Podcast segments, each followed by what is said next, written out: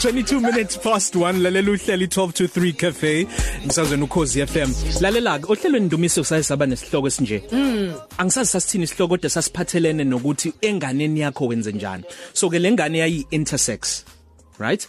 So ngenza isibonela ngisakhumbuli ngokweqiniso ukuthi kwakuyikona kuphi. So ingane inokubili eh ubulili. Oh. kusho ukuthi ke abazali bayithatha bayisa kudokotela eyomfana. Kusho ukuthi basusa lokhu kwentombazane ngoba befuna ukuthi ibe umfana hey uzoba umfana wena bayikhethela bona ingane kususweke lokhu kwentombazane kusalo komfana mayikhula ingane ubiyona noma ama hormones aveza intombazane Intombazane. Basebenza njani? Oh, bazokwenza njani hawe ma. Basusa lokho hawe bazokwenza njani?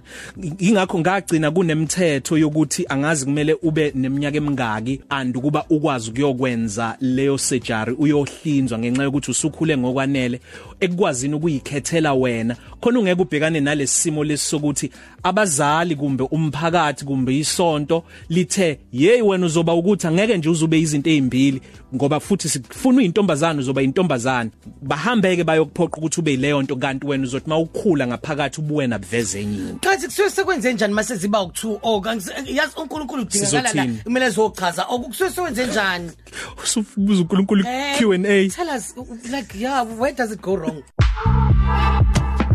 Umculo weAfro Soul uphinda abe ngumshuthi kanti futhi eh, uyisishabasheki sezinto eziphathelene namaciko kanye naye LGBTIQA eh uke wathi ke ukunyamalala iminyaka emibili usebuyile. Yes wayizale eUmelvin Mzamo Humbane kodwa manje usungambiza ngo Queen Aluta. Humbane hello darling. Sanibonani. Sanibonani balaleli bokhozi. Ninjani? Siyaphila unjani wena? Ngiyaphila kakhulu ngiyaphila ngiyaphila. niphephile ni safe covid-19 yonke into yonke into ihamba kahle ekhaya konke ku right Yebo senza njengoba kushiwo nje uhulumeni wethu. eh we alutha okay ak- ak- ake siqale la um, kade sik- sikhuluma lana eh, and ngicabanga ukuthi very embarrassing ukuthi eh, amunywa lamagama asiwazi ukuthi kuba ngathi makuhamba unyaka neminyaka ehamba kuba khona okunye okuedwayo kuyona iLGBTQ uh A um we LGBTQI+ ban ban ban ban kuba kuningi. So ukuphi okukahle kahle khona oku right and kumele ini bonke labo LGBTQ ban ban ban ban. All right. So um i terminology or i i- u- LGBTQA+ u L umele u lesbian, u B umele bisexual, u T umele u transgender, u I umele intersex, u A u A umele u L eh or and then u Q umele u queer. wait Yeah. u A umele bani? U u Ellie Ellie abantu aba abazwa aba aba aba who are allies allies of abantu aba LGBTI allies. So yes. Imake So- aluthi Oh, okay qedela sisi bese ngibuza umbuzo. Yes. Oh, okay. yes so abantu aba aba abama allies who might not necessarily abanga abangeke bathi bama gay bisexual or transgender abaqise babe queer. U queer is also uh, in other words sometimes eh ba identify according to a gender bracket kodwa aba identify no lesbian gay bisexual transgender so now sesibheka manje to the other sexual orientations such as or sexually eh or, or androgen maningi Mm. Bengifuna ukubuza la ngoba mina ulwazi lwami bengithi uQ umele uquestioning okusho ukuthi osayibuza. Ngoba ngang- ngike ngezwe kuthiwa igama elithi queer liyigama elijivazayo Yes, phecelezi kakhulu eBrithani. derogatory. Selamkelekile? Ngicela ungiphendula lapho. Lamkelekile because khona abantu bona who self identify abayibiza bona as queer. It could uh, ungasho futhi ukuthi questioning but queer the awunaso i definition a definitive. yeah okay. yes so it's open. Oh, okay. So mina ngibiza ngibiza the queer of radio. yeah uyona ke Oh, okay. Uyona. So u A kodwa u A u A uthe umele in awumele u asexual. Uh, asexual no allies there's allies people who identify who are aligned with uh, LGBTI but who might not identify with the other groupings Oh. Ngicela ukuyiqala la ng- ngoba vele silindele ukuzwa ukuthi emva kwaleminyaka emibili uzizunjani kodwa ngicela singene ngo depression ngoba ng- ngiqeda kwenza isibonelo no Sel Beyonce entweni yake yenzeka komunye umntwana kwakufuna umlaleli omunye umntwana umntwana wayezalwe intersex sokusho ukuthi ubulilo bodwa babucashile abazali basebemphoqa ukuthi akayoba yiloku kanti uzothi umesekhula ayibonakalise abe yiloku okususiwe. Ngicabanga ukuthi enye yezinto leyo engadala ingcindezi nokhwantalala stress depression kumuntu onjalo. Eziphi izinto nje mhlambe empilweni yomuntu oyi LGBTQA+ ezidala ingcindezi nokhwantalala ngenxa yokuthi kwayena akazazi umphakathi umndeni naye futhi awumazi kuphinde futhi kube ukuthi banezinto abambiza ngazo ezingezona nabemukela ngazo noma bangamabukeli ngazo. Okay so eh sine challenge enkulu nje emhlabeni wonke jikelele ukuthi umntwana mayezalwa uthathwa ngesitho sakhe sangasese kuthiwa i based on lesitho sangasese sizom assign lokho and ngiyathanda ukuthi ukhuluma ngeintersex because isikhathi esiningi iintersex iyaba nezitho zombili mm. kodwa ngokuqhubeka kwesikhathi uthola ukuthi imizwa nama chromosomes and how they feel kuhlukile so unfortunately abantwana mabezala bathola ithuba lokuthi bakwazi ukuthi bateste ukuthi kubalansile yini lapha genetically. So we are always assigned it then ngokuhamba kwesikhathi uzothola ukuthi ke manje sesithola ingcindezi ngobani? Um, umntwana wesilisa nowesifazane bakhuliswa ngendlela ethile. Mm, mm. kunama expectations izinto ezilindeleyo kubona nangendlela abaphila ngayo ezithile such that mase sekumele bona bangene kuleso simo bayithole bebe nenkinga ngoba manje ke lento abayifilayo nabayicabangayo ayisahambisani naleli ndelo umphakathi now that's where we find ukuthi abantu abaningi ke bagcina sebe lost ngoba nawo umazisi wakho uthi wena umuntu wesilisa kodwa wena awuziboni umuntu wesilisa yabo? Mm. so lokho kugcina sekuyidala ke ingcindezi ngobani? It's like kunalento ekuthiwa internal conflict. Where umzimba wakho is conflicting with what everybody is expecting from you. Manje mabekubona bathi awumnomzana wena kodwa ngaphakathi uthi ngumama ngintombazana yebo ngumadam. Yebo so and ngenxa yokuthi abantu abafundisekile so ayikho enough education ekhuluma about ama sexual orientation um and plus nokuthi we are coming from a very colonized world sithola sesisemekweni yokuthi manje ke even noma ke sethi understand ukuthi mina ke angikho straight angiyena angithandani nabanye nabantu abanye abathanda ngabanye ubunye ubulili. Kodwa asikwazi ukuthi manje sizi express ngenxa yokuthi umphakathi uzosihlulela uzosi-exclude emndenini yethu eh sicwaswe sibukwe ngazuthi manje silabantu nje abahlukile futhi abangazange bamkelekeke kahle emphakathini. Emasontweni amabili adlule ngicabanga ukuthi wabona. Eh, yena ke vele uzalwe ngama 2000s 2000s late 90s anginaso isiqiniseko ulasizwe eyidlalela nje wathi ukube wathini if sisibhuti was a person emva kwaloko kulobo busuku lobo waxolisa ngenxa ukuthi khona abantu abamenza wabona ukuthi igama elithi sisibhuti lijivaza kangakanani ohambeni oselihanjiwe kuzama ukufundiswa abantu ngalezi zinto eziphathene neLGB eziphathene neLGBTQI kubuyisela emuva kangakanani ukusebenzisa igama elithi sisibhuti abanye babeze bekhombisa ukudina nokucasuka okukhulu abanye baze bakhala waxolisa kulasizwe amagama njengaleyo ukubukeka nokubizwa okuthile emphakathini kwabantu beLGB uh IQA ukuthi ngifuna ukujwayela manje ukubiza konke. Sesihamba ibanga elingakanani nje njenga njenganalo nje leli igama lika Sisbhuti eh yabona masithatha leli gama nje ake sithathe nje leli gama elasetshenziswa ngesikhathi sobandlululo. Eh ngeke ngisalisho ngegama ngithatha leli gama esetshenziswa eMelika lasetshenziswa belungu besenza abantu bamnyama.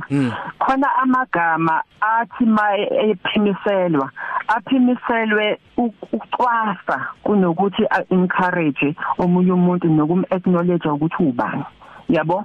Usisibhuti eh is an injustice ngobani? Khona abantu who might not identify as usisibhuti but then indlela esetshenziswa ngayo manje sesithi isithunzi. Yabo khona naleli likhatha esiningi esetshenziswa kakhulu emaphepheni esike sakhuluma ngani nakwilanga ukuthi hey yabo legama lethi angazi mangalisho nemsakazweni elithi sitabane okay. Ukuthi liyasehlisa isithunzi ngenxa yokuthi once umuntu esho leyo nto lihambisana it carries ama connotations athile. Of which isikhathi esiningi vele we coming from a past where makushiwo lelo gama besicwaswa besidelelwa kahle kahle. So manje we need to get to a point and ngijabulile ukuthi social media ikwazile ukuthi ikhulume nolasizwe ngoba ngifuneka sifike to a point la khona abantu uh, who identify yabo LGBTIQ A ukhonela ukuze sikwazi ukuthi si understand ukuthi masithiwa sibona lo muntu maye classify yena ubelonga kephi but not to be used ngendlela ezophinda imdicelele phansi. So we kufuneka sifike to a point la sokwazi ukuthi si addressane khona nje as abantu.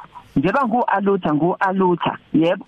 And akumele ukuthi manje ke makhulunywa ngumuntu o straight asisho ukuthi usya o straight yabo?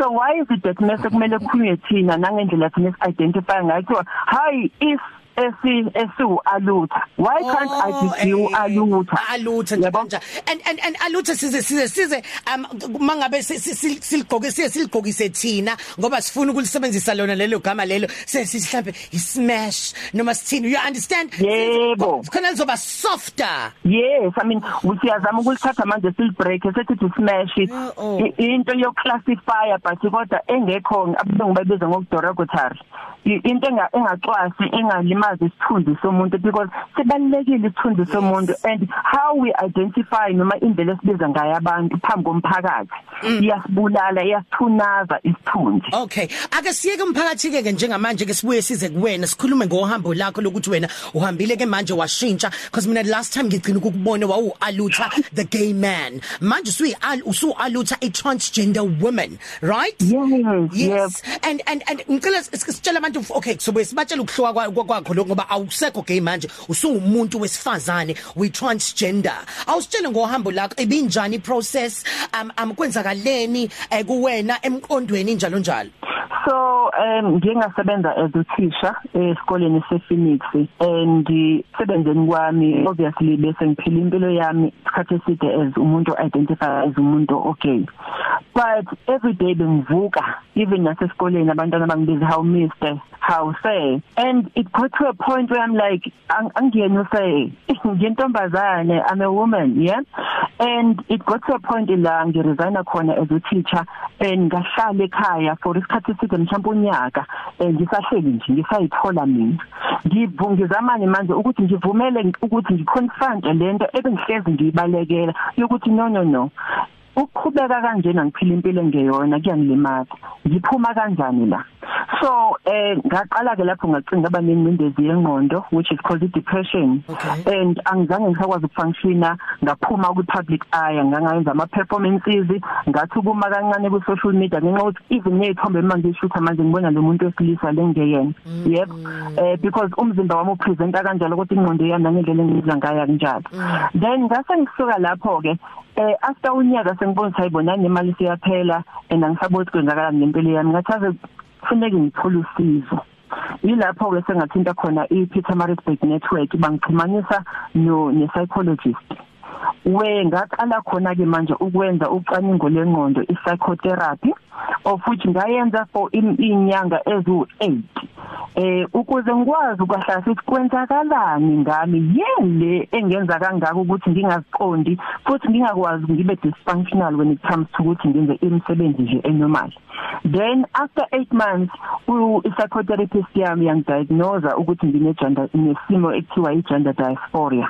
Now abaningi abasazi gender dysphoria. I gender dysphoria ikhuluma ngokuthi i-conflict. Yengqondo nemizwa yakho in relation to how you present yourself or how you look. Ngamanye amazwi yes nokuthi ubukeka kanjani. Hmm. so ngenxa yokuthi mina umzimba wami ngizale nginomzimba womuntu wesilisa kodwa mina ngizwe ngomuntu wesifazane. Lokho kungenza ukuthi ngingazazi ukuthi kwenzakalani. Then after lo 8 months ke ila udokotela ngoba ngokomthetho weWorld Health Organization umgomo uthi umntwana ngiyabonga futhi ukhulume ngalo mntwana ona 16 ukuthi abazali bakhe ba amputate one of ama organs ngokomthetho bathi once usuna 16 ukuze ukwazi kahle kufuneka uqale uhambe ucwaningo lengqondo khona uzokwazi ukwazi ngempela ukuthi lento oyicabangayo nayo yiyona yini noma mhlawumbe unenkinga ngokwengqondo. So emva kwalokho ke ngabe sengiqala ke lokho kuthiwa hormonal replacement therapy eh of which is HRT which is amaphilisi ke manje adliwa abantu besifazana isikhathi esiningi mabe beya kwi menopause ukuze ngikwazi ukucorrecta umzimba wami ukuthi ufane nomuntu wesifazane. Sondelani ngokuthi manje sengiyaqala ke manje sengikhula amabele eh iweight yami iyashintsha eh isikhumba sami siyashintsha. Yonke into isiqala ukumetha even chemically eh isiqala manje sifanani nomuntu wesifazane. Yo alutha. Yeah. Uhambo olunemcikilishi nemdanti eminingi kodwa siyakubongela. Emoyeni wakho manje wena uzizwa ugculisekile uphelele? Eh angakaqedi ngoba phela obviously kuhamba nokushintsha kwezitho zangasese sengiqalile yebo surgical because lento ikathatha khona medical ulegal no surgical u medical is where la sithatha khona ama, ama hormones siwadla so that genetically sizokwazi manje ukumetha lento le. Then legal ukuhamba manje ngeka home affairs of which constitution yethu iyazivumela ukushintsha ukuthi ke manje ngeke kusuka kumele ngibe female then okwesithathu ke kuba surgical to say okay now isitho samthanga sesimethe yonke into. Of which ngiqalile konke ke lokho ke eh uma gelizo yeza nje useseyalunga Siyabonga kakhulu Luther. Uh, khona umbuzo sengizomane ngiufunde nje kodwa akusadingi ukuthi usiphendule. Usimamane mbathu uthi umphakathi wasemakhaya isiphi siyalo angasipha sona ikakhulukazi kubantu abadala abangayiqondi lendlela. Ngicabanga ukuthi ulwazi osiphelona olwawo wonke umuntu osemakhaya, oselokishini, osodolobheni, ngisho bekuthiwa kuphi, akusekho manje ukuthi ngenxa yokuthi awuqondi. Lo lwazi ofike nalo luzele khona ukuthi sizokuqonda. Sibonge kakhulu siyakubongela siyakuhalalisela. Ngiyabonga kakhulu. Sikuthola kuphi enkundleni zokuxhumana Alutha? Alright ku eh, ku Facebook ngithola ku Alutha Humbane Worldwide mm -hmm. ku Instagram uAlutha Humbane ku Twitter uA_h worldwide. Alright sabonga kakhulu Alutha kufisela inhlanhla. I love you! I love you too. Positive Cafe. Ilunch yakho ayifani neyizolo